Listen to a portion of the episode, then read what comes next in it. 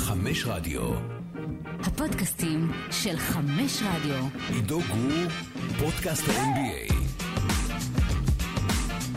יום ראשון, ה-12 ליוני, יום לפני משחק מספר 5 בסדרת הגמר, אנחנו על 2-2, אחרי הניצחון המרשים מאוד של גולדן סטייט די גארדן, או יותר נכון, הניצחון המרשים של סטף קרי, למרות שהיו שם עוד כמה שחקנים שעזרו לו, בטח בדקות האחרונות, וזה הזמן להגיד בוקר טוב ליואב מודעי, שמצטרף אלינו, God knows מאיזה טיימזון, ובאיזה עיר הוא נמצא כרגע. מה? ספר לנו קצת. גם, אני גם, גם לי אין מושג, אני צריך להיכנס לגוגל מאפס בטלפון שלי, לראות איפה אני, ואז אני נזכר. כן, בוקר טוב, ערב טוב לכולם, מה נשמע? מה, פספסת טיסה? ככה, ככה אתה פותח. ככה אני פותח וחושף הכל. פה בפודקאסט הזה מדברים על מה שקורה מאחורי הקלעים. אז זהו. אז האמת שבאהבה גדולה אני מאשים את אפל, אוקיי, אייפון 11 בגד בי, במאני טיים. לא קמתי היום, מזלי, מזלי, זה לא יום של משחק. אז נשארתי בניו יורק, פספסתי את האימון של גולדן סטייט שקורה בשעה זאת, האימון של בוסטון. אה, נטוס מחר, נטוס מחר עם אלף שעונים מעוררים, ונגיע למשחק חמש בצ'ייס סנטר. רגע, יש שמועות אה, שהלכת לחנות של אפל בשדרה החמישית להתלונן על זה שהשעון המעורר לא עבד. זה נכון? זה אמיתי? אז, קודם כל, אתה קיבלת את ה inside הזה לפני. כן, זה לא שמועות, אתה אמרת לא לי, בסדר, נו. זה עדיין לא קרה כי, כי חזרתי לישון, אז uh, אני אסיים את הפודקאסט, נדבר קצת כדורסל, ואז נלך להתעצבן פה על האמריקאים שלא קם. הם יצחקו עליך, אתה יודע. בסדר, אני צריך לשחרר עצבים על מישהו, ועדיף שזה יקרה שם ולא בפודקאסט, כי אני דווקא באווירה טובה, אז uh, זה יקרה אחר כך. אבל אין מצב שהשעון המעורר לא עבד, יואב. אה, לא, הוא, לא, הוא לא עבד, הוא פשוט uh, שומעים אותו פחות חזק. אם פה, אם יש לי טכנאי מישהו שישלח לי הודעה בטוויטר, פייסבוק, אינסטגרם, uh, טיק טוק, מה שצריך. יא ממציא. לא התעוררת, פדיחה, קורה, בסדר. קרה לכולנו, בטח לא. בלוז הזה. הכל לא קרה לי אף פעם. דבר שני, באמת לא שומעים כל כך טוב, אבל עוד פעם, הכל בסדר, נגיע למשחק חמש, ויהי מה, ויש עוד שלושה משחקים לפנינו, שלושה. שלושה? זהו, אתה בטוח סגור על זה?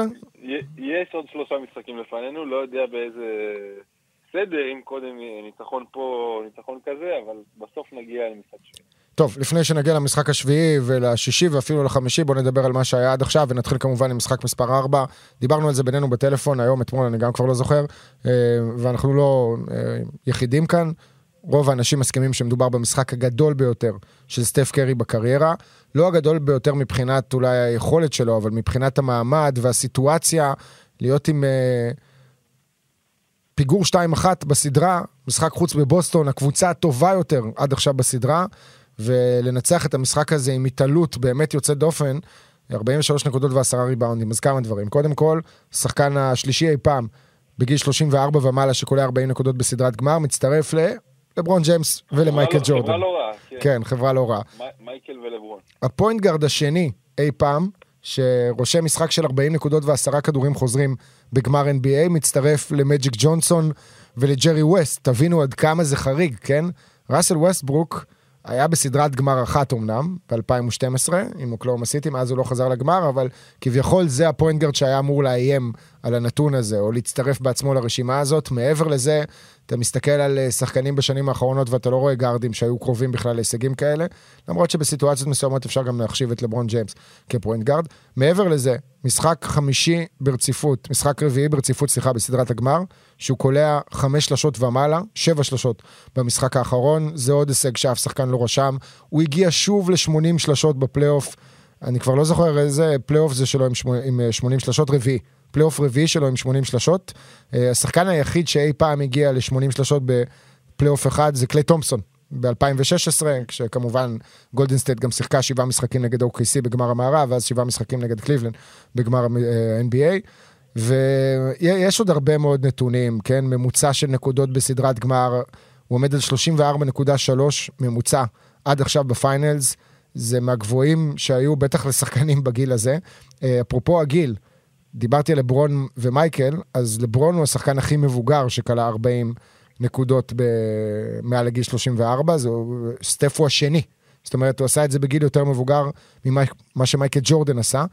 ויותר מהכל, יואב, בוא נשים שנייה את כל המספרים האלה שציינתי בצד עכשיו, כי אני חושב שראינו מסטף במשחק הזה דבר שלא ראינו ממנו, וגם דריימון גרין דיבר על זה בפודקאסט שלו.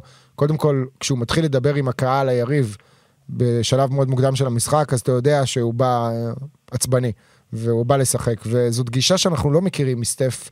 בדרך כלל כן, מן הסתם יש לו את ההתפוצצויות שלו, אבל להיות כל כך אגרסיבי, לא רק ברמת הכדורסל, גם ברמת השפת גוף, עם השופטים, העצבים שלו על לפחות שתי זריקות מדויקות לשלוש, שהייתה שם עבירה, בטח אחת ברורה מאוד של טייטום, אני חושב שגם עם דרק ווייט הייתה שם איזושהי דחיפה בגב, וגם על זה היו לו דברים להגיד לשופטים.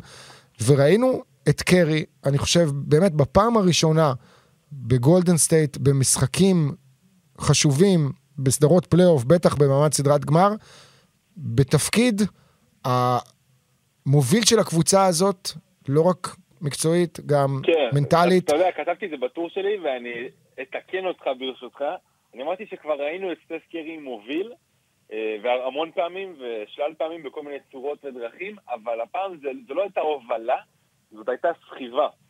ו- וזה ההבדל, כי ככה, עוד פעם, ראינו את קרי מוביל ועושה הכל, אבל סוחב בצורה הזאת, שבלעדיו, כאילו, בלי קרי בסדרה הזאת, אה, אני חושב שזה, בלי קרי זה sweep, הסדרה הזאת. זו קבוצה שעשתה sweep לברוקלין, היא גם הייתה עושה את זה לגולדן סטייט בלי קרי, בוסטון אה, עד כדי כך טובה. אה, באמת נותן פה בכלל סדרה מצוינת, אבל מה שקרה בשלושת המשחקים הראשונים זה שהוא פשוט לא בא לידי ביטוי ברבע האחרון, לא במשחק הראשון, לא במשחק השלישי, בשני הוא לא שיחק כי זה ה blowout אחרי השלושה הזאת של ג'ורדן פול בסוף הרבע השלישי, אז אנשים אה, ביקרו אותו, זאת אומרת גם אלה שאמרו שזה גמר מדהים וזה באמת גמר יוצא מן הכלל, אני חושב שהוא עמד על 31 נקודות בממוצע, משחקים 1 עד 3, עכשיו זה כבר קפץ ל-34 ביחד, ש, שזה גם פסיכי לגמרי, זה בין הגבוהים בכל הזמנים. אז אמרו בוא נראה אותו ב money time, כי גולדן סטייט קרסה ברבע האחרון, גם ברבע הראשון, גם במשחק הראשון, סליחה, שהיה, ששידרת והייתה שם התפרקות היסטורית, גם בשלישי. ואז במשחק האחרון פשוט ראינו אותו עושה את הדברים הנכונים במאני טיים, קולע שלשות. אתה יודע, דיברתי על זה גם אתמול עם חברים, קולע סלים קשים במאני טיים, זאת אומרת, עם יד בפרצוף, דרק ווייט שם, ש... אה, בדקה ומשהו האחרונה, שלשה מדהימה, ושוב, מבחינתי, ההופעה הכי גדולה של, אה, של קרי בכלל. אני אומר לך, בצידי גרדן אנשים תפסו את הראש כשהוא רק הרים זריקה. זה היה מחזה מטורף, ראיתי גם אוהדי בוסטון מסתובבים שם לפני הזריקה של דרק ווייט, רואים אותו רק מעיף את הזריקה לכיוון הטבעת, לא רוצים להסתכל על מה שיקרה, לפי התגובה של הקהל כבר מבינים... Uh, מה קרה, וזה היה פסיכי. עדיין לא מספיק את בוסטון, אבל קרי, אה, וזה עוד משהו, אם עכשיו גולדנסט ינצח את הסדרה, אז קרי הוא הפאנלס MVP בטוח, בטוח, בטוח. תראה, צריך אה, להוריד את הכובע ולתת לו הרבה הרבה כבוד, לא רק בגלל המספרים שלו לכל אורך הסדרה מבחינת כמות הנקודות, מספר הנקודות יותר נכון, האחוזים. סטף עומד על 50% מהשדה עד עכשיו, ו-49 אחוזים מחוץ לקשת. הוא על uh, קצת פחות מ-13 זריקות במשחק, קולע 6.3 שלשות, אז נכון שזה קצת פגע במספרי האסיסטים שלו, והוא ירד מתחת לארבעה מממוצע בסדרה, היו לו ארבעה במשחק האחרון, כשאחד מהם אולי היה האסיסט הכי חשוב בדאבל טים ב-94-92, אה, מצא את קליי בחצי התקפת מעבר כזאת, ההגנה של בוסון לא הייתה מספיק מסודרת, וקליי תפר שם שלושה שעשתה 95-94. אה, דריימון גרין אגב בפודקאסט שלו אחרי המשחק, דיבר על זה שכבר אחרי משחק מספר 3 הוא הבין שהווריורס הולכים לנצח את המשחק הזה, את משחק מספר 4 בגלל סטף, בגלל הגישה שלו, בגלל המבט שלו בעיניים, ויש גם תמונה כבר שהפכה להיות איקונית מסוף משחק מספר 3, עם התוצאה שם 116-100, שתי דקות לסוף, הוא יושב כזה על הספסל עם אה, מגבת על הראש, ויש לו חיוך ערמומי כזה. אה, זאת אומרת, הוא כבר ידע מה הולך לקרות, והוא לא היה יכול לדעת מה הולך לקרות, כי באמת שזה היה משחק קשה מאוד, ו... רגע לפני, זאת אומרת, שבע דקות וחצי לסיום, היה 91-86 לבוסטון, אחרי זריקת עונשין של מרקוס סמארט, כשרגע סמארט. לפני זה ג'לן כן. בראון קלע שם איזה סל והיה עבירה על סמארט בדחיפה. אה, ואז, עד לסיום המשחק, בוסטון קלע רק עוד שתי שלשות. אחת של מרקוס סמארט שעשתה 94-90 והשנייה של אל אורפורד שהורידה ל-197 אחרי אותה שלושה שציינת עכשיו של סטף נגד דריק ווייט. ואתה יודע, בשלושה הזאת של סמארט ב-94-90 אתה אומר לעצמך, אוקיי, סמארט קולע את הסלים החשובים עכשיו, זה הולך לקרות, אבל בוסטון פשוט נחנקה מאותו שלב, עד לסיום, זאת אומרת, אם אתה מסתכל רק על חמש הדקות האחרונות, אז היא קלעה שלוש נקודות בלבד, עם אחת משמונה מהשדה, כששבע זריקות היו מחוץ לקשת, ואני אגיד לך משהו על בוסטון. כולל airball אחד, וכאילו ראינו שם החטאות מודעות. וזה מוטיב חוזר, יואב, כי אם אתה מסתכל על העונה הזאת ועל המספרים של בוסטון בקלאץ', הם לא מספרים טובים. גם בפלייאוף, בעיקר במשחק הזה, הם ירדו לאחוזים, הרגע ציינתי אותם, כן? אבל אה, אם אני חוזר אחורה יותר העונה, ומסתכל על המספרים של ג'ייסון טייטום, אז הוא עמד לפני המשחק הזה, שאני לא יודע כמה דקות קלאץ' נחשבו לו בסוף, על 2 מ-25 מהשדה, זה 8 אחוז בדקות קלאץ', ושאלתי כל מיני אנשים, אתה יודע, בשיחות שעשינו במהלך השבועות של תחילת הפלייאוף, על הסלטיקס ועל זה שהם קבוצת הקלאץ' הכי גרועה בערך, או לא הכי גרועה, אני חושב שזה זורק, אבל הם אחת מהקבוצות קלאץ' הגרועות בליגה העונה, ואיך זה ישפיע עליהם כשנגיע לפלייאוף. וכולם דיברו על זה שבחודשים האחרונים בכלל, הם בכלל לא שיחקו בדקות קלאץ', כי כל הניצחונות שלהם היו מאוד חד משמעיים כאלה, בספרות כפולות. אז הנה, אנחנו רואים את זה כאן עכשיו, ואולי נמשיך לדבר על סטף, כי אפשר לדבר עליו בלי סוף, אפשר לעשות פודקאסט שלם רק על סטף קרי. אבל אה, ניתן לך נתון אחד, ש... שהוא נתון קשה מאוד מבחינתו של ג'ייסון טייטום. סטף קרי בסדרה, ממוצע של 34.3 נקודות למשחק. האחוזים מהשדה של טייטום בסדרה, 34.1. זאת אומרת שקרי קולע יותר נקודות מאשר אחוזים מטייטום, וזה לא יכול להיות טוב אף פעם. והשאלה היא, אה, למה, למה זה קורה? זאת אומרת, ראינו את טייטום במשחקים גדולים בפלייאוף הזה, ראינו אותו במשחקים גדולים גם בעונת הרוקי שלו בפלייאוף, אבל בואו נתמקד בפלייאוף הזה, בקאמבק נגד מילווקי, אחרי הפסד של משחק מספר 5 בבית, ניצחון במשחק מספר 6, השתלט שם על העניינים ברבע הרביעי, כלה איזה 11 נקודות רצופות כשהבאקס חזרו לעניינים, ראינו אותו עושה דברים מדהימים נגד מיאמי, אז נכון, זה לא קורה בדרך כלל בחמש דקות האחרונות כשההפרש הוא חמש ומטה, אבל נגד מילווקי נגיד ונגד מיאמי זה כן קרה בשלבים מאוחרים יותר של המשחק, בתוך הרבע הרביעי, והוא גרם לבריחה שמנע דקות קלאץ'. אז מה, מה קורה לג'ייסון טייטום כשאנחנו מגיעים לרגעים האלה, ובמשחק האחרון זה היה 0 מ-3 בחמש דקות האחרונות. אז זה אומר 2 מ-28 עונה. מה שלי מפריע זה לאו דווקא האחוזים, כמו שזה פשוט שהוא לא כל כך מעורב. אני רוצה לראות אותו, אם אתה הסופרסטאר של הקבוצה ואתה הסופרסטאר של הקבוצה, והוא כבר הוכיח שהוא השחקן הכי טוב בפלייאוף הזה כשמסתכלים על כל הפלייאוף. עכשיו, אם אתם רוצים, אפשר להגיד שסטף שם איתו למעלה, אבל הוא בטוח אה, בין שניים, שלוש, שלושה השחקנים הכי טובים בפלייאוף 2022. אני רוצה לראות אותו לוקח את הכדור על עצמו וזורק, ממש ממש בדקות האחרונות, אה, במשחק האחרון, אני חושב במהלך הריצת 17-3, אני חושב שהוא זרק במהלך הריצה הזאת פעם אחת. אם אני לא טועה. לא, לא, לא, היו לו שם, היו לו שם, היה לו זריקה אחת airball של איזה stepback מה mid-range, היה לו lob שקליי, הוא עשה חיתוך וקליי בדיוק בא אליו, והוא זרק איזשהו גם ניסיון ל lob כזה שלא היה קרוב, והייתה לו שלושה שלא הייתה בכיוון. אה, אבל תשמע, שנייה, רגע, עזוב את הדקות האחרונות. במהלך ה-17-3? כן, כן, ב-17-3. לא, לא, לא, היו לו שלוש זריקות, מה יש לך? במהלך הריצה עצמה אני רואה פה משהו אחר, אני צריך להסתכל שוב אה, על המשחק, אבל אה, בכל מקרה... תקשיב, ראיתי את המשחק פעמיים, אני, אם, אם טעיתי בזה אז מצבי לא טוב, אני צריך כבר ללכת אולי אה, לבית אבות כזה, שיתחילו לטפל בי, אבל תראה, אולי בדקות האחרונות הוא לא זרק כמו שהיית מצפה ממנו לזרוק, ועדיין, הוא לוקח הרבה מאוד זריקות בסדרה הזאת באופן יחסי, הוא עומד על אה, ממוצע של 23 זריקות במשחק, ונכון לעכשיו האחוזים שלו הם הנמוכים ביותר בהיסטוריה לשחקן בסדרת הגמר, עם מעל ל-20 זריקות מהשדה. כן, וברבע הרביעי בגמר הזה זה 32.8 בממוצע על 25 אחוז. זאת אומרת שגם בניצחונות, וראינו את זה, גם במשחק הראשון, גם במשחק השלישי, בוסטון לא השיגה אותם בזכות טייטום ברבע האחרון. ההתעלות שם הייתה של שחקנים אחרים. אבל עוד פעם, באתי לומר את זה קודם, הוא בן 24, זה פלייאוף שהוא עשה פה step-up ענק, עונה שהוא עשה ב step-up ענק, קפץ לחמישייה הראשונה.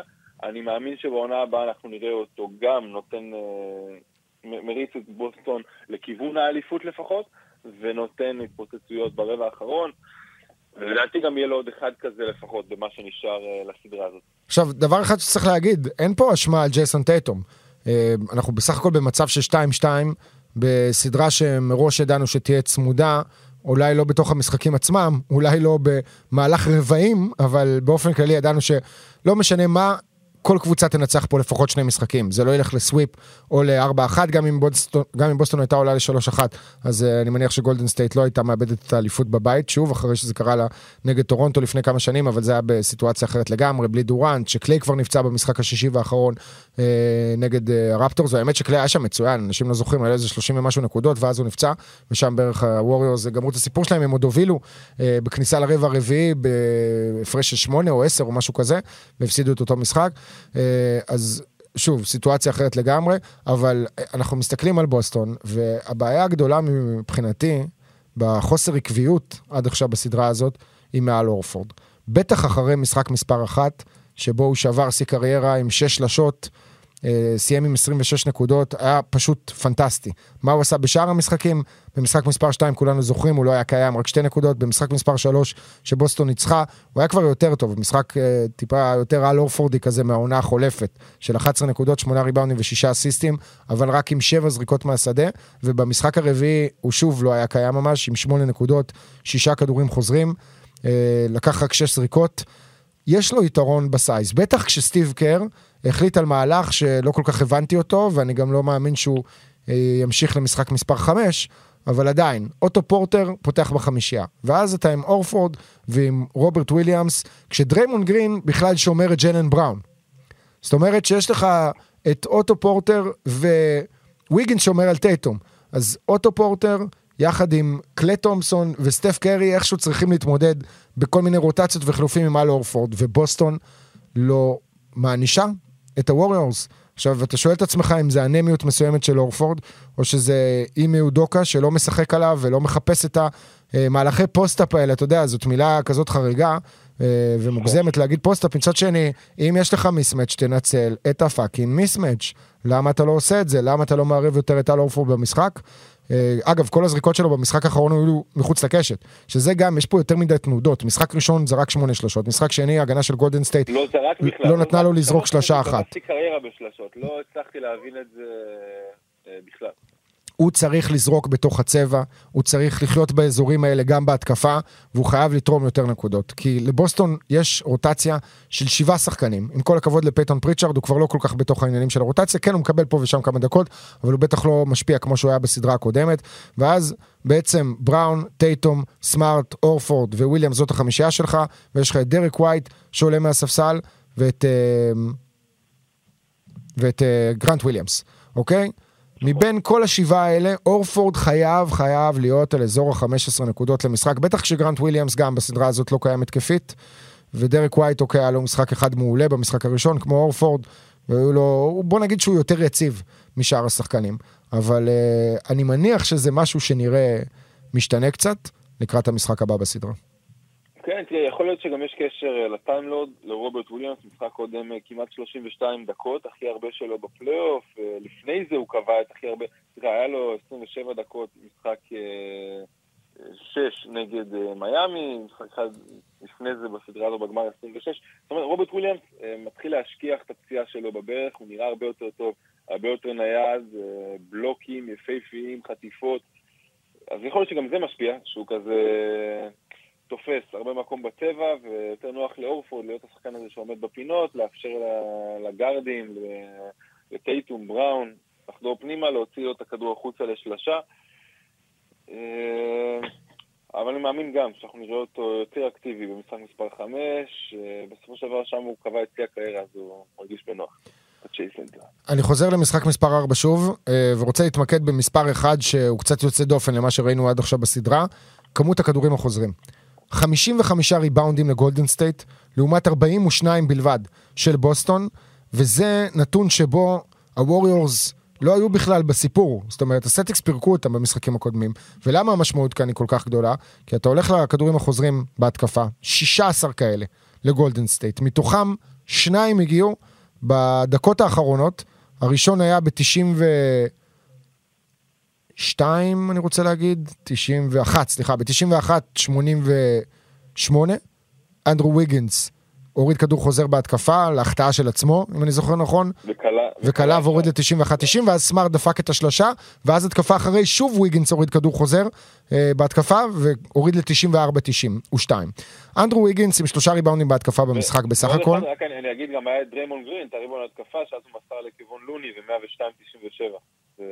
נכון. הסל הכי חשוב במשחק בעצם. 17 נקודות ו-16 כדורים חוזרים לאנדרו ויגינס. 16 כדורים חוזרים, זה שיא קריירה חדש של ויגינס, זה שיפור של חמישה ריבאונדים מהשיא הקריירה הקודם שלו, שלא הגיע בפלייאוף, והצחיק אותי לשמוע את דריימון גרין מדבר על זה בפודקאסט שלו. הוא סיפר שריימון אה, ריידר, ריידל, לא זוכר את השם משפחה שלו, אה, שהוא איש התקשורת אה, ומחובר שם לשחקנים ודואג בקבוצה והכל. אה, שאגב, שאל אותי מה שלום כספי לפני שלושה משחקים, התחלנו לדבר על מה שכספי עושה אחרי הקריירה. מגניב, אחלה בן אדם. מפתיע שהוא לא שאל אותך מה עם דניאל זילברשטיין, כי דניאל בקשר הדוק איתו. משגע אותו כל הזמן שישלח לו כל מיני דברים של גולדנסטייט לילדים שלו. אה, בקיצור, הוא נכנס וסיפר לאנדרו ויגינס בחדר הלבשה שהוא קבע שיא קריירה חדש. אה, בכדורים החוזרים, וגם ציין שהשיא הקודם היה 11 ריבאונדים.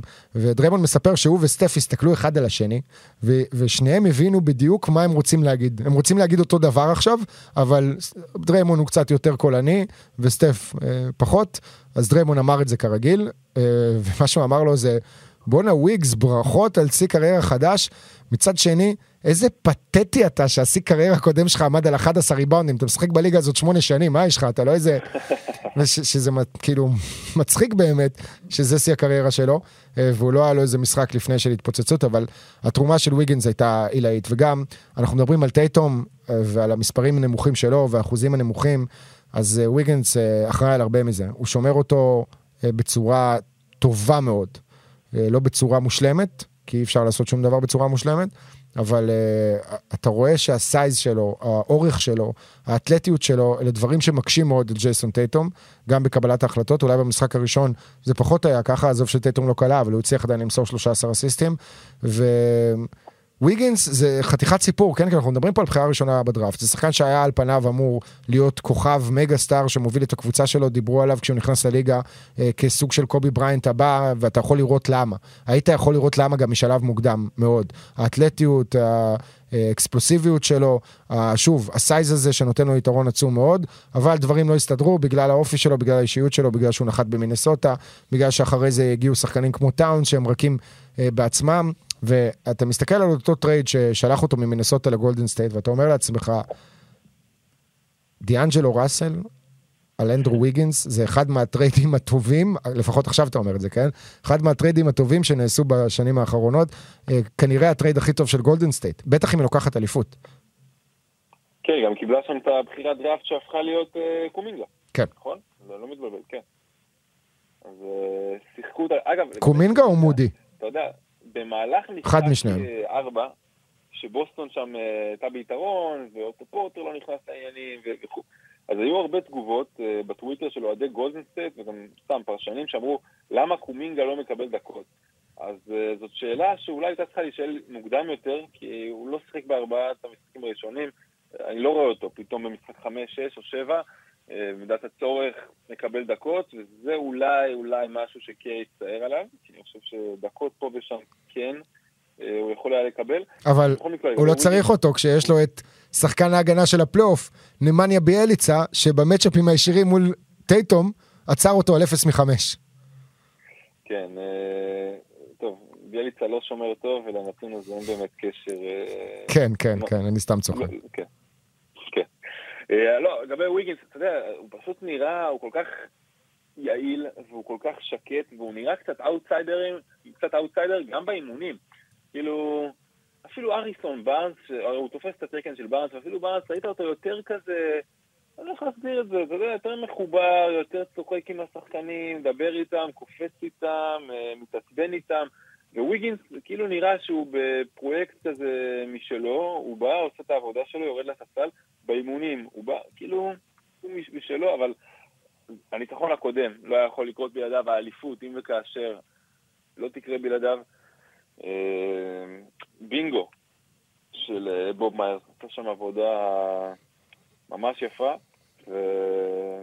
כן, לא, עכשיו באמת הוא שחקן ההגנה של, של הפלייאוף. אם עכשיו היה תואר כזה, defensive player of the year של הפלייאוף, אני, אני נותן את זה לוויגינס.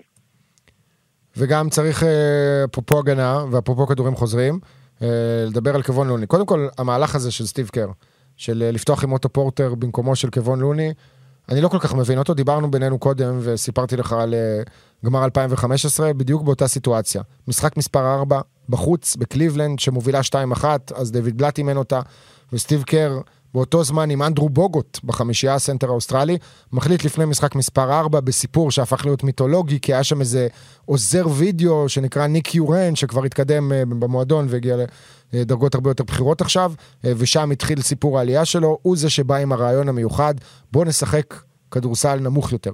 בואו נוותר על אנדרו בוגוט ונפתח עם דיוויד לי בחמישייה במקום, שמצטרף לדריימונד גרין, הריסון בארנס, סטף קרי וקלי תומפסון. זה עבד מצוין, זה הפתיע את אה, קליבלנד ואת בלאט, והווריורס ניצחו את אותו משחק, עשו 2-2, חזרו הביתה, אז לאורקל ארינה, עשו 3-2 וכבר סגרו עניין בקליבלנד במשחק מספר 6 ולקחו אליפות ראשונה בשושלת הזאת, אה, אליפות אה, רביעית בסך הכל בהיסטוריה של ה franchise, אם אתה מחשיב גם את האליפויות שהווריורס לקחו כשהיו בפילדלפיה בשנות ה-40 וה-50 וכמובן שאנחנו מחשיבים את האליפות ב-75 אה, כשהם כבר נקראו הגולדן סטייט ווריורס, לפני זה הם נקראו סן פרנסיסקו ווריורס.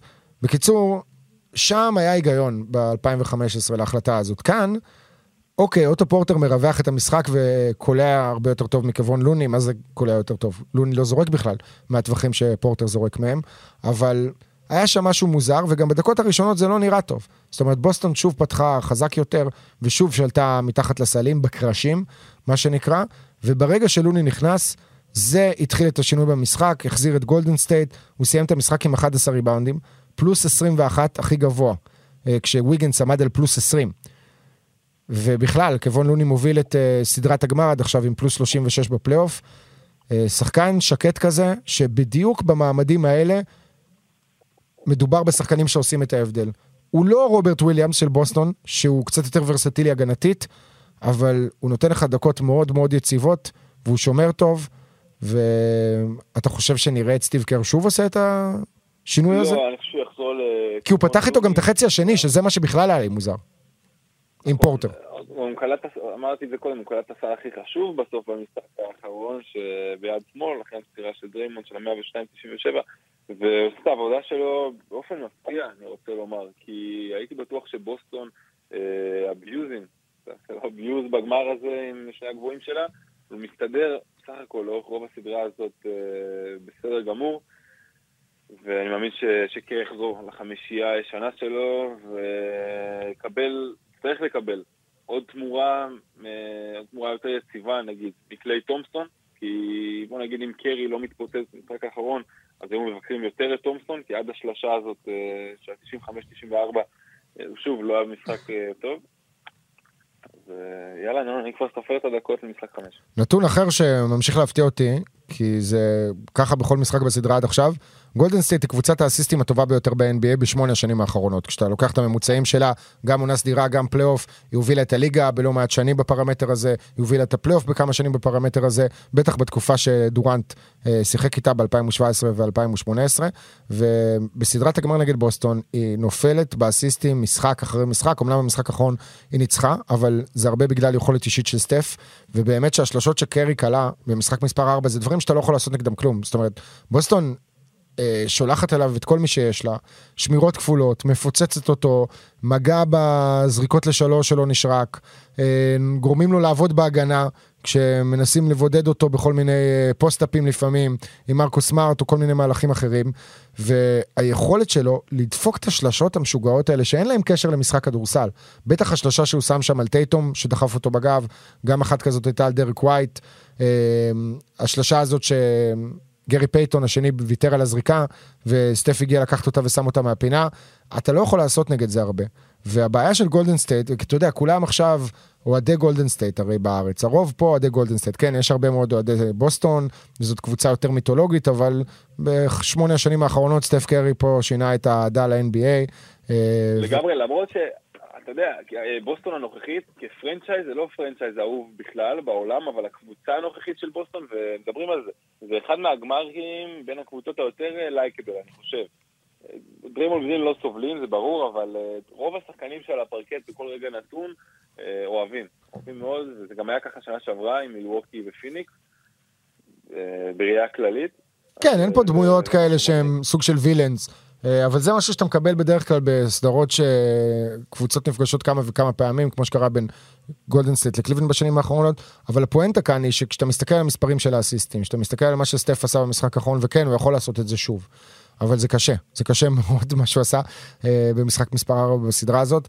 מה שאני מנסה להגיד זה שאוהדי בוסטון לא צריכים להיות כל כך לחוצים. קודם כל יש את הנתון הזה, שהסלטיקס לא הפסידו שני משחקים ברציפות לכל אורך הפלייאוף, לא שזה מבטיח ניצחון במשחק הבא, כן? הווריורס גם יכולים לנצח שני משחקים רצופים, אבל שוב, בכל מה שקשור לכדורים חוזרים, שבמשחק האחרון זה היה נתון מאוד מאוד חריג, ולאסיסטים, לבוסטון יש יתרון, היא קבוצה יותר טובה מגולדן סטייט, ההגנה שלה יותר טובה, ובגלל הבעיות ההתקפיות של גולדן סטייט בסדרה הזאת, בגלל שהקבוצה הזאת לא משחקת את הכדורסל שאנחנו רגילים לראות ממנה, את ה motion offense, אנחנו רואים הרבה יותר מהלכי pick and roll, usage rate גבוה מאוד של סטף בתוך הטופ 10 של כל הזמנים בגמרים.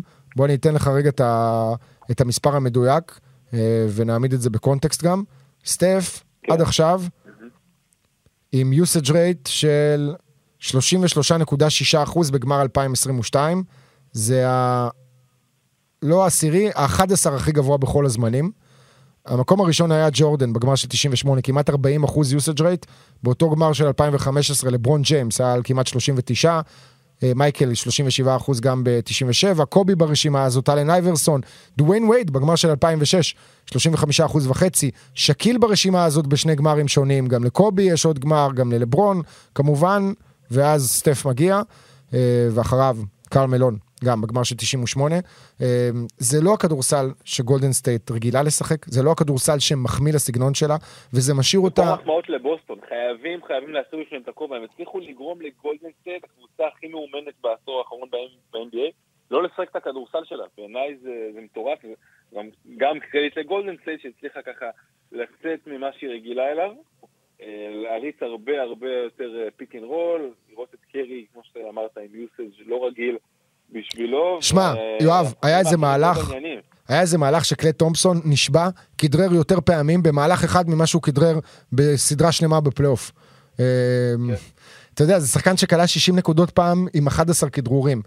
ובמשחק הזה זה לא רק ה pick and roll ים, זה גם בסדרה הזאת. זה לייצר אה, לעצמך מהלכים, אז ג'ורדן פול עושה את זה טוב, וסטף אולי עושה את זה טוב, חוץ מזה אין שחקנים שעושים את זה. וקליי תומפסון אתה רואה שהוא קצת מנסה במהלך הפלייאוף, וזה פחות מצליח לו, למרות ששוב, 4 מ-10 ל-3, 18 נקודות, עשה את שלו במשחק הקודם, גם שתי חסימות, וכמובן השלושה החשובה הזאת שנתנה לגולדן סטייט יתרון נקודה, אחרי האסיסט של אה, קרי ב double team שדיברתי עליו קודם לכן, אבל ה bottom line זה שכמו שאמרת, מחמאות לבוסטון, מצד אחד, ומצד, אה, לא, סליחה, מאותו צד, היא צריכה להיות מאוד מאוד מרוצה. למרות שהיא הפסידה את המשחק הרביעי בסדרה, היא עדיין עומדת שווה בשווה מול גולדן סטייט. הסגנון שלה עובד, השלשות שלה נכנסות באחוזים גבוהים. נכון שבמשחק האחרון היא עשתה אחת משבע בחמש הדקות האחרונות, אבל כשאתה מסתכל על כל המשחק, היא עשתה 15 מ-38, כשגולדן סטייט עשתה 15 מ-43. וכאן התלות הזאת בסטף לבוסטון, אין את התלות הזאת בג'ייסון טייטום. אז נכון שאם הוא רושם משחק הרבה יותר טוב, בנקודות, באחוזים מהשדה בעיקר, זה פחות הנקודות, כי כשאתה מסתכל על השורה הסטטיסטית של טייטום, זה 23 נקודות, 11 ריבאונדים, 6 אסיסטים, 3 חסימות. הבעיה כאן זה השישה איבודים וזה ה-8 מה-23 מהשדה. אה, אבל צריך... זאת אומרת, לבוסטון יש מספיק כלים גם בלי ג'ייסון טייטום. עם ג'יילן בראון ועם מרקוס סמארט, ואפילו אפילו דרק ווייט, אלה כולם שחקנים שמייצרים לעצמם, וההתקפה של בוסטון הרבה יותר זורמת. אני לא חושב שהם פייבוריטים, כי יש פה את עניין הניסיון, אבל יפה, אז רציתי לדבר על זה. רק, רק בעצם בחמש הדקות האחרונות של המשחק האחרון, הניסיון בא לידי ביטוי. וזה היה מפתיע, אתה יודע, כל השלושה משחקים הראשונים. זה היה נראה כמו קבוצה עם ניסיון גמר NBA נגד גולדן סטייט. ככה זה היה נראה, בטח ברבע האחרון, שבוסטון הייתה בפלוס 40. ברבע האחרון במשחקים 1, 2, 3 במצטבר. ואז פתאום, ברגע שהם התחילו, אתה יודע, להריח את הטבעת הזאת, ברגע שהם אמרו, אוקיי, אנחנו פה שנייה משלוש אחת.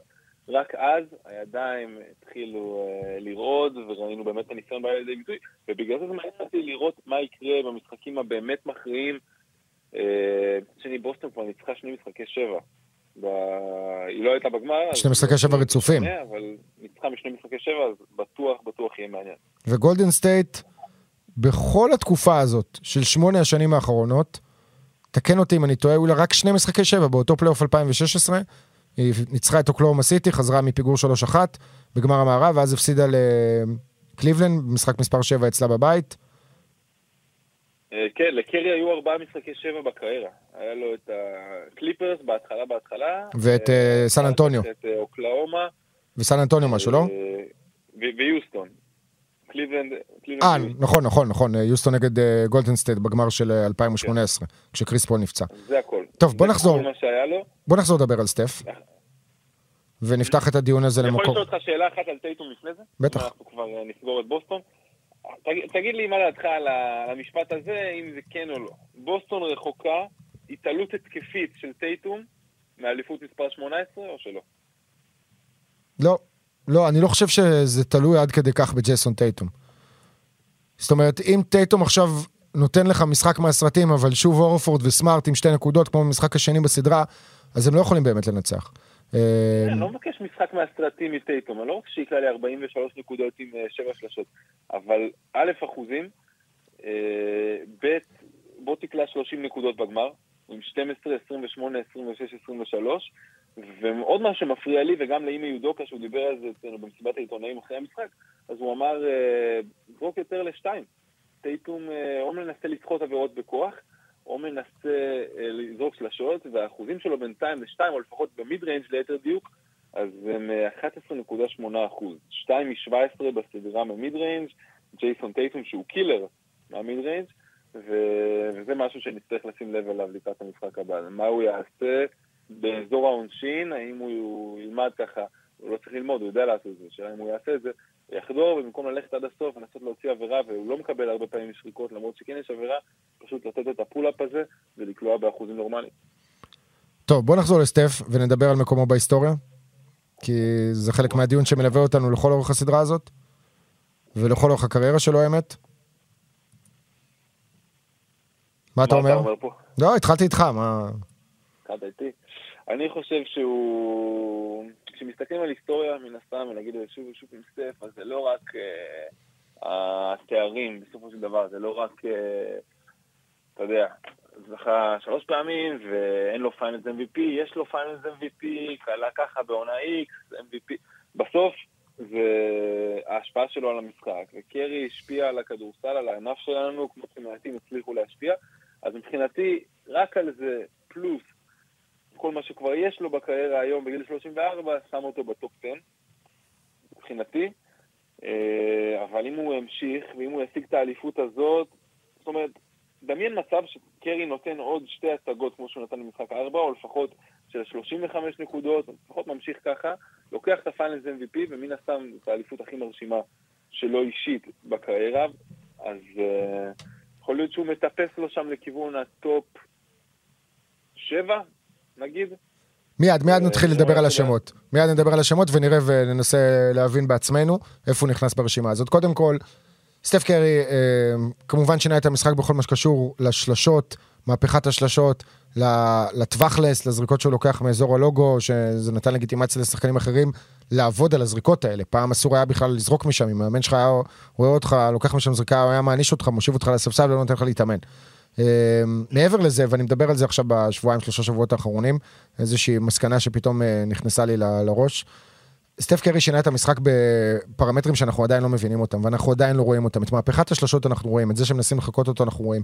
דיברו על זה שהוא הרס את הכדורסל בתחילת הדרך, כשכל השלשות האלה נכנסו, וכל מיני מאמנים ואנשים מהכדורסל אומרים לי, תשמע, אנחנו מגיעים למגרשים היום, והילדים כולם מעיפים שלשות, הם רק זורקים להם אזור החצי, לא מעניין אותם כלום. ואיפה שאר המשחק? אז כאן, אה, אולי לא, לאותה נקודת זמן זה היה נכון, לנקודת זמן הזאת זה כבר לא נכון.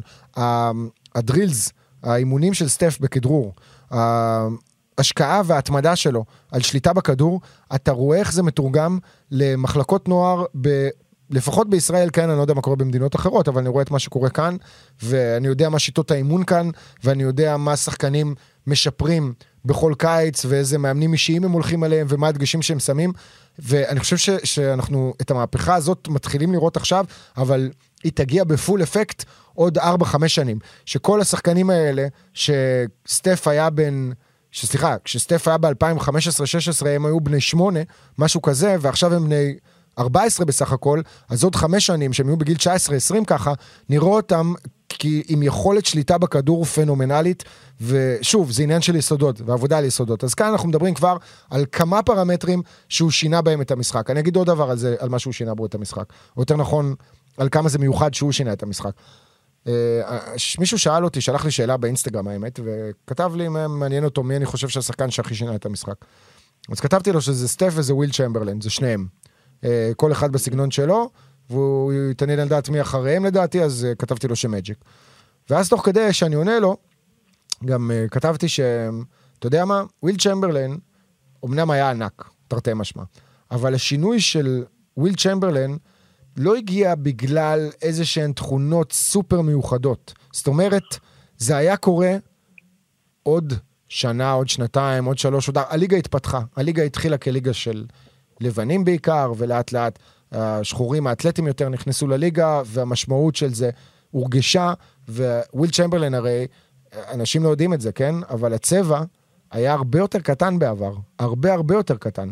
הגדילו את הצבע, הכניסו חוקים של שלוש שניות, כל זה בשביל למנוע משחקנים כמו וויל צ'מברליין לחנות שם ולעשות מה שהם רוצים כששאר השחקנים ראש מתחתם. אז נכון שהיו לו את כל הקרבות עם ביל ראסל וכן היה לו איזשהו fight, אבל בגדול היכולת שלו, בעיקר ההתקפית, כי ביל ראסל היה שחקן התקפי פחות מוצלח מוויל צ'מברליין, אה, שגם מסר מלא אסיסטים ועשה באמת הכל מהכל. אה, זה גרם לשינויים של החוקים במשחק, ושינויים שהיו קורים, היה מגיע שחקן אחר במקומו של וויל צ'מברליין, שהיה משתמש ב size שלו ומשיג איתו יתרון עצום, והיו משנים את החוקים. מה שסטף עשה, זה כל כך מיוחד וכל כך שונה, ששחקן ב size כזה בא ומשנה את המשחק בפילוסופיה שלו, לא בחוקים שלו, כן? את החוקים לא שינו, לך תדע, אולי יוסיפו עכשיו אה, זה. אה, קו לארבע נקודות, או שירחיקו את קו השלוש, כי הוא קל מדי, למרות שזה טוב לקרי ולטריאנג, כל עוד ירחיקו את, ה, אה, את הקשת כמה שיותר. אז מהבחינה הזאת, הוא השחקן שהשפיע הכי הרבה על התפתחות המשחק אי פעם. שזה כבר כבוד עצום וזה תואר גדול. מעבר לזה, מספרית, מלך השלשות בכל הזמנים עם מספרים שאף אחד לא הולך להתקרב אליהם, לפחות לא ב-10-15 שנים הקרובות, עם דברים דמיוניים, אחוזים מקו העונשין, הקלעי עונשין הכי טוב בהיסטוריה של ה-NBA בממוצע, עם אה, קצת פחות מ-91 אחוזים, אם אני זוכר נכון, סטיב נש שני.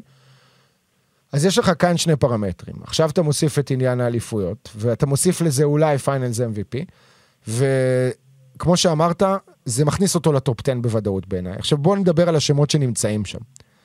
השלושה שמות המובילים... לוק, אה, שהם lock ב top 10, כן? כן, לא, כאילו מה זה lock? אפשר להתווכח, אבל אלה השמות שב top 10. אוקיי. השלושה שמות הראשונים מבחינתי אי אפשר להתווכח עליהם. ולא משנה באיזה סדר. מייקל ג'ורדן, לברון ג'יימס וקרים אבדול ג'אבר. שלושתם, יפה. השלושה הכי גדולים מבחינת השפעה, מבחינת יכולת אישית, מבחינת הרבה מאוד דברים, כאילו לא מבחינת השפעה, כי סטף מן הסתם הרגע אמרתי עם אחר בהשפעה, אבל שלושתם שם. ואז אתה הולך למקום רביעי, ויש לך את ביל ראסל, שאני לא יודע, אני לא ראיתי את ביל ראסל משחק, קשה לי באמת כאילו לדבר על שחקן ששיחק בשנות ה-50 וה-60 כאחד מהכי גדולים בהיסטוריה. מג'יק ג'ונסון, וויל צ'מברליין, לארי ברד, טים דנקן, קובי בריינט ושקיל. כן. זה אלה ברשימה עכשיו של ה top 10, הרשימה הזאת של ESPN. אם אתה רוצה ללכת אה, אה, מחוץ לרשימה הזאת, אז יש לך את אה, האקים אולג'ואן, ויש לך את אה, סטף כרגע במקום ה-12-13, 13, לפי הרשימה הזאת, משהו כזה. תראה, קודם כל, בוא נעשה איזשהו שינוי קטן. קובי מבחינתי צריך להיות ב top 5. ב top 5. לדעתי אוקיי. כן. אני יודע שהרבה אנשים יתווכחו על זה, אבל קובי בריינט, גם במקרה שלו, אה, דיברנו על השפעה על המשחק, קובי בריינט הוא אחד מהמשפיענים הגדולים שהיו אי פעם.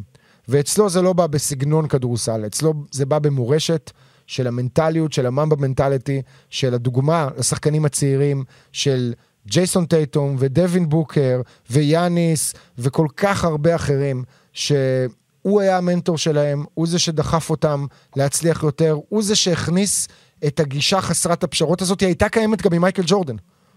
אבל עם מייקל ג'ורדן היא הייתה פחות מתוקשרת. והוא היה בן אדם יותר קנאי לפרטיות שלו. אצל קובי בריינט הוא הפך את זה לדרך חיים, והחשיפה של זה גרמה לא רק לג'ייסון טייטום ולדווין בוקר אה, לשנות את הסגנון שלהם ואת המוסר עבודה שלהם, גם לילדים קטנים פה מכפר סבא ורעננה ותל אביב ורחובות whatever. וגדרה, לא משנה. כל מקום שיש בו שחקן כדורסל שיודע מי זה קובי בריינט, הוא קצת יותר מקצוען בגלל קובי בריינט. הוא עובד קצת יותר קשה בגלל קובי בריינט. לא כל שחקן, אבל אלה שזה דיבר עליהם, ויש מספיק כאלה. אז ההשפעה שלו בעיניי באמת עצומה. היכולת שלו, אין על מה להתווכח בכלל. וגם מבחינת תארים, אתה יודע, אז בסדר, אז הוא לקח MVP של העונה הסדירה רק פעם אחת, אבל חמש אליפויות, שתיים מהן בלי שקיל. אה, ברור. והיה שחקן אה, two-way, שגם זה, כל שעובר הזמן, משתמשים בביטוי הזה two-way יותר, מה נותנים לו יותר חשיבות, אז קובי הוא לגמרי מה-two-way אה, הגדולים. עכשיו, במקום החמישי, אני שם את מג'יק. אני לא יודע עד כמה מג'יק שינה את המשחק, הוא כן שינה במידה מסוימת, כי הוא בעצם ה point guard בגוף של forward הראשון. היה את אוסקר רוברטסון לפניו, אבל מג'יק, שוב, שכלל את זה, ולקח את זה למקום אחר, והיום אנחנו רואים הרבה שחקנים מנסים לפחות להוביל כדור בשלבים הרבה יותר מוקדמים של הקריירה שלהם, כי כשאני שיחקתי כדורסל וגדלתי, ואני לא, לא יודע מה היה כשאתה שיחקת, אה, כי יש בינינו איזה פער של כמעט 20 שנה, אבל אה, אתה יודע, מי שהיה גבוה, סנטר, לא מעניין כלום. היום כבר ילדים שהם גבוהים, הדבר הראשון זה שמים אותם בחוץ, שישחקו ווינגים, שישחקו שלוש, ארבע, שיפתחו את הכלייה שלהם, שיכדררו, לא ישר שולחים אותם להיות סנטרים. וזה משהו שטביעת היד של מג'יק קיימת עליו, מעבר לזה שהוא... אחד מהשחקנים הגדולים והמעליבים ששיחקו, אה, אתה יודע, אתה, אתה מסתכל על היילייטים שלו, מהחמש שנים הראשונות בליגה, זה פשוט מטורף מה שהבן אדם הזה עשה. בראיית המשחק שלו גם, אני לא חושב ש... אתה יודע, אפשר, סטוקטון מסר יותר אסיסטים, סטיב נש זה, אבל אני לא חושב שהיה שחקן עם ראיית משחק כמו של מג'יק ג'ונסון. מבחינתי הוא אייל ברקוביץ' של הכדורסל. כן. אני, אני אגב, אייל ברקוביץ', אייל ברקוביץ' בראיית משחק, אייל ברקוביץ' בראיית משחק, יואב, מבחינתי, כש, כשהוא שיחק, הוא היה גדול באותו זמן. יותר מכל שחקן אחר שהיה באותה תקופה. וזה כולל שמות ענקים כמו זידן. הוא, הוא באמת גאון יוצא דופן בכל מה שקשור לראיית משחק. אתה יודע, לא ראיתי, אני אגיד רק משפט, משפט על ברקו, לא ראיתי אותו אף פעם live, לא יצא לי, אבל ראיינתי את הארי רדנאפ לפני כמה שבועות, ראיון שעלה ל... אתה ערוץ הספורט, והארי רדנאפ, מהמאמנים האנגלים הבכירים, אומר בדיוק את מה שאתה אומר עכשיו. אז אתה יודע, רק לכל מי שמקשיב לנו ואומר, פרובינציאל, ישראל... לא, לא, לא, אין פה הגזמה. אין פה הגזמה. מבחינת מוח כדורגל, אייל ברקוביץ' היה מהגדולים שהיו. נכון שהיו לו בעיות אחרות של אה, עצבים ושל אה, אגרסיות ודברים שמנעו ממנו פה גדול, דברים שמנעו ממנו להתקדם לקבוצות הכי גדולות שיש, אבל הוא היה מועמד לריאל מדריד אז לפני שהם הביאו את מקללה, אני חושב. למרות שמקללה הוא יותר קשר אחורי והוא יותר אה, מן הסתם קשר התקפי, אבל בסדר, עזוב, לא משנה, עשינו את האנלוגיה. מתי מקליטים פודקאסט כדורגל, עידו? מתישהו שתתפוס אותי, דבר איתי, זה אתה תארגן את הפודקאסט, אני אתארח בו. אוקיי, שמנו את החמישה שמות האלה. ואני בכלל לא נכנס לוויכוח עכשיו אם סטף צריך להיות ב top five, לפני מג'יק, לפני קובי, whatever. שאר השמות, טים דנקן בעשירייה הראשונה, כן? לארי ברד ושקיל אוניל. אה, כמובן שיש פה... רגע, שכחתי מישהו? שלא שכחתי. מי מפנה את המקום לסטף? זאת השאלה. מי יוצא... אה, וויל צ'מברלן. תשמע, אני מוציא קודם כל את, אה, את ראסל מהסיפור הזה, ואני מוציא את לארי ברד. ישנאו אותי עכשיו הרבה אנשים על מה שאמרתי, ולארי ברד, כן, הוא הכדורסלן הלבן, הלבן הכי גדול שהיה, ואתה רוצה לתת אה, ייצוג גם ללבנים במשחק הזה. אה, ואני אני פשוט, טים דנקן, אני לא יכול להוציא את טים דנקן. אני לא מסוגל.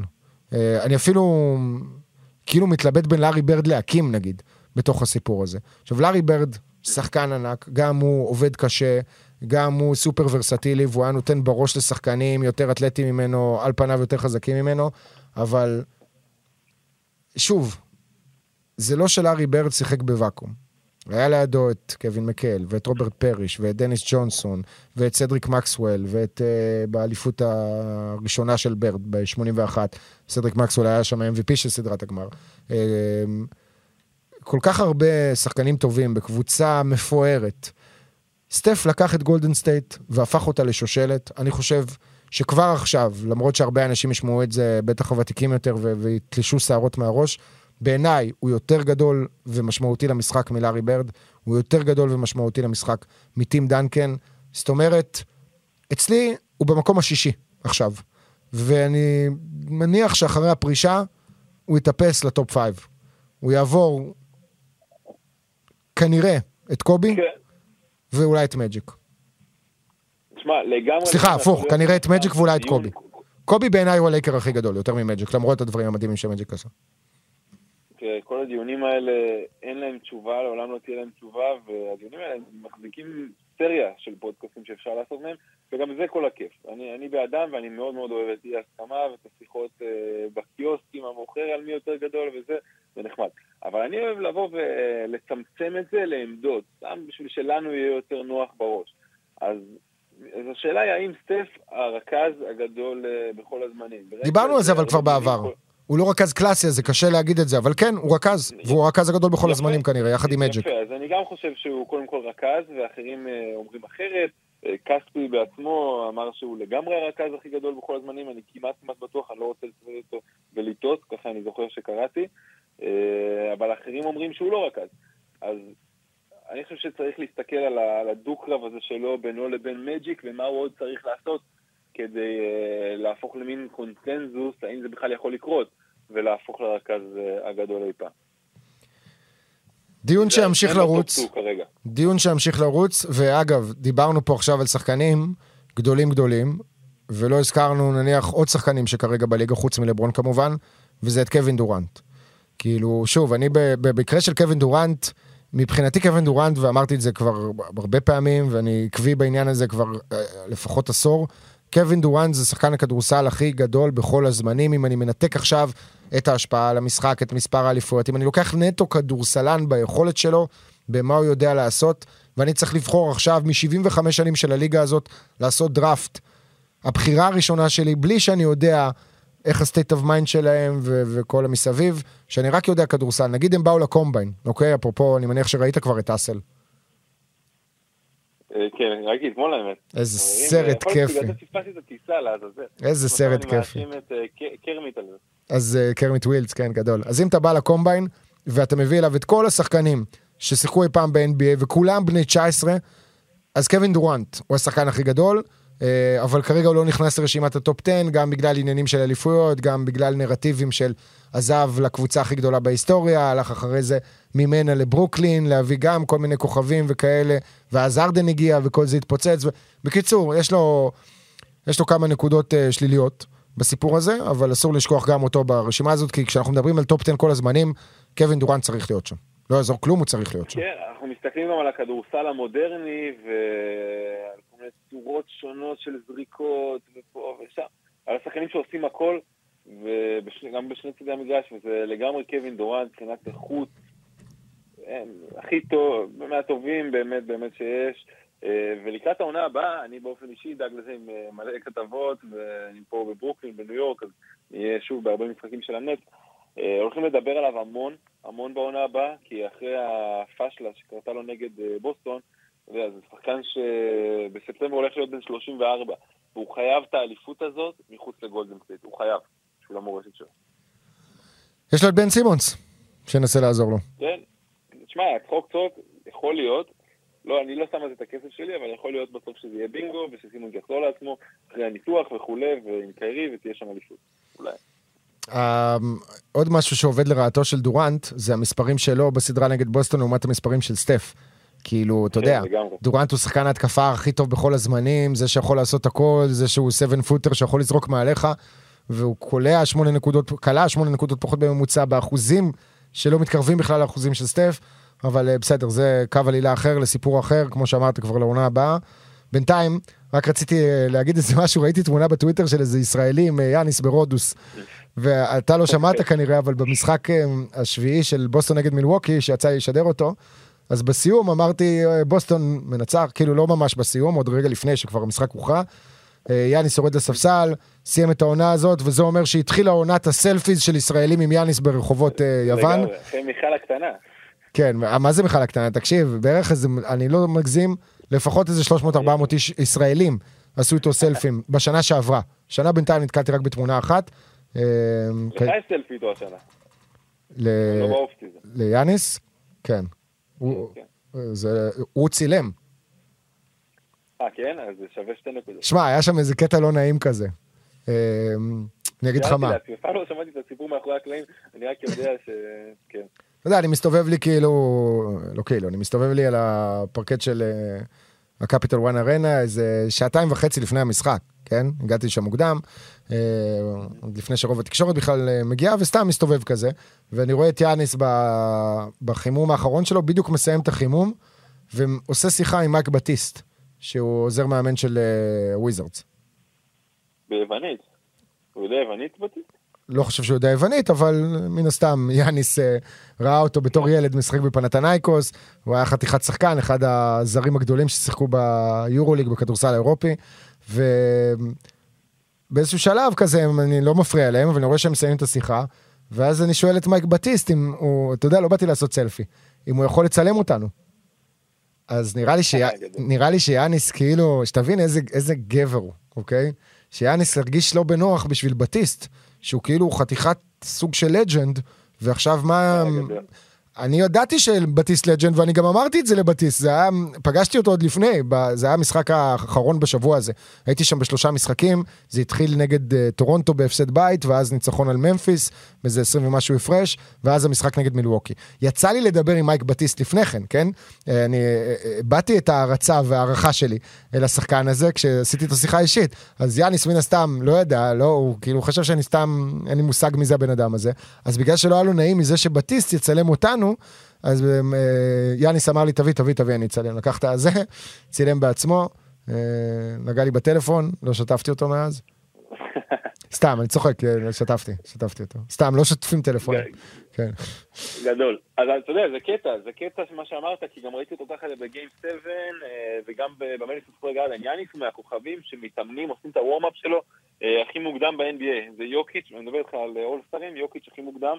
ממש לפני שכל התקשורת... כן, אתה זוכר, זה היה, כשהייתי אצלך השנה, וראיתי את מילווקי גם נגד הניקס, בטיול הפרטי שעשיתי בתחילת העונה, אז אה, נכון. אתה זוכר שהלכתי לגרדן, אתה נשארת בבית כי היית צריך לעבוד, חזרתי לך במחצית, לא הבנת איך אני חותך ממשחק במחצית. לגמרי, ואז אם אני לא טועה, היה שם צמוד, היה שם ניסיון קאמבק. היה שם קאמבק, במחצית היה איזה, זה היה בדרך לבלואוט, אבל... אה, בדיוק. העניין הוא שהגעתי לשם מוקדם, כי עשיתי פריצה לאולפן אה, לילה, והפריצה הייתה שיאניס מאחוריי מתאמן ברקע, כן, הוא מגיע מוקדם. אה. ומשקיע הרבה, וזה קובי, שוב, זה... זה ה mentoring של קובי, זה השפעות של קובי, זה קובי זה שדחק ביאניס לזכות בתואר MVP, לזכות באליפויות, אתה יודע, יש לו את הציוצים האלה עדיין, אפשר למצוא אותם. אה, כן, ואפרופו איכשהו הגענו לדבר על יאניס, אבל גם יאניס בדרך הבטוחה בטוחה ל top 10 בכל הזמן. הוא יהיה שם. כן, נכון, גם את השם הזה צריך להכניס לרשימה הזאת, וזה אומר שכל מיני שחקנים יצאו החוצה. אנחנו אוטומטית מוציאים ביל ראסל וויל צ'מברלין, כי הם שיחקו לפני אה, מלא מלא שנים ולא ראינו את המשחקים. זה באמת עצוב, אתה, אתה מבין שיהיה את אותו דבר בעוד 40-50 שנה, אנשים יוציאו אוטומטית את סף. אנחנו נהיה אלה שנתלוס את השערות ונגיד מה אתם עושים. אבל uh, זה טבעו שלנו. אני מקווה להיות פה עוד 40 שנה קודם כל. אני לא יודע עד כמה זה... מה הסיכויים שלי לעוד 40 שנה, אבל uh, אני לא חושב שזה אותו דבר, יואב. אני לא חושב שזה כן? אותו דבר. אני אגיד לך למה. מעניין. יש הבדל עצום.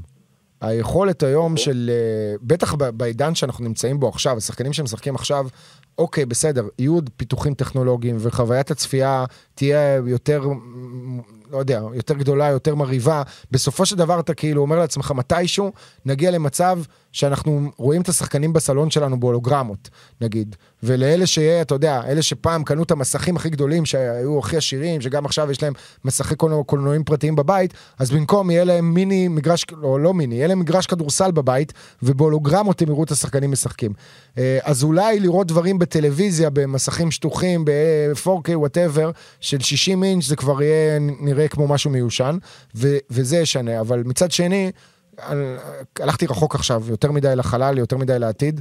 אה, כן, כן, הראש שלי עכשיו פה ב-2060. לא, ב-20-30 שנים הקרובות אני מניח שעדיין אנשים ישבו ויראו טלוויזיה בבית, יראו משחקי ספורט על מסכים כאלה של 60, 70, 80 אינץ', whatever. זה חוויה נעימה, אין סיבה שהיא תשתנה. אתה מסתכל על הקולנוע, אז הקולנוע אותו דבר כבר 100 שנה. אנשים הולכים לבתי קולנוע, כמובן שיש שיפור בסאונד ויש שיפור אולי בתמונה מבחינת האיכות, אבל השורה התחתונה היא שמה שעכשיו אנחנו רואים, גם אנשים בעוד 30-40 שנה, הילדים של אז, הם יוכלו לראות את סטף עושה את זה, הם יראו את משחק מספר 4 ואת השלשות המשוגעות שלו. אנחנו... גם לא היינו יכולים לראות את ביל ראסל ואת אה, וויל צ'מברליין, ואפילו את קרים בתחילת הדרך שלו, כי הכל בשחור לבן, וגם המשחק, עזוב שנייה מבחינת הסגנון שלו, שלשות, קצב, האתלטיות, האתלטיות הייתה אחרת לחלוטין, ולכן אני חושב שיש הבדל עצום בין האוהדי NBA של עוד 40 שנה לעומת מה שקורה עכשיו, לסיטואציה שלנו מול מה שקרה לפני 50-60 שנה, דברים כאלה. הלוואי. אבל אה, בוא נקווה שנהיה מספיק זמן כאן בשביל לברר את זה בעצמנו. אה, כן, פודקאסט בגיל, אה, בשנת אה, 2060. אני בפנים. סגור. יואב, תודה רבה, שתהיה לך טיסה נעימה לסן פרנסיסקו, תהנה, תודה רבה. שמור על עצמך. stay off the weed.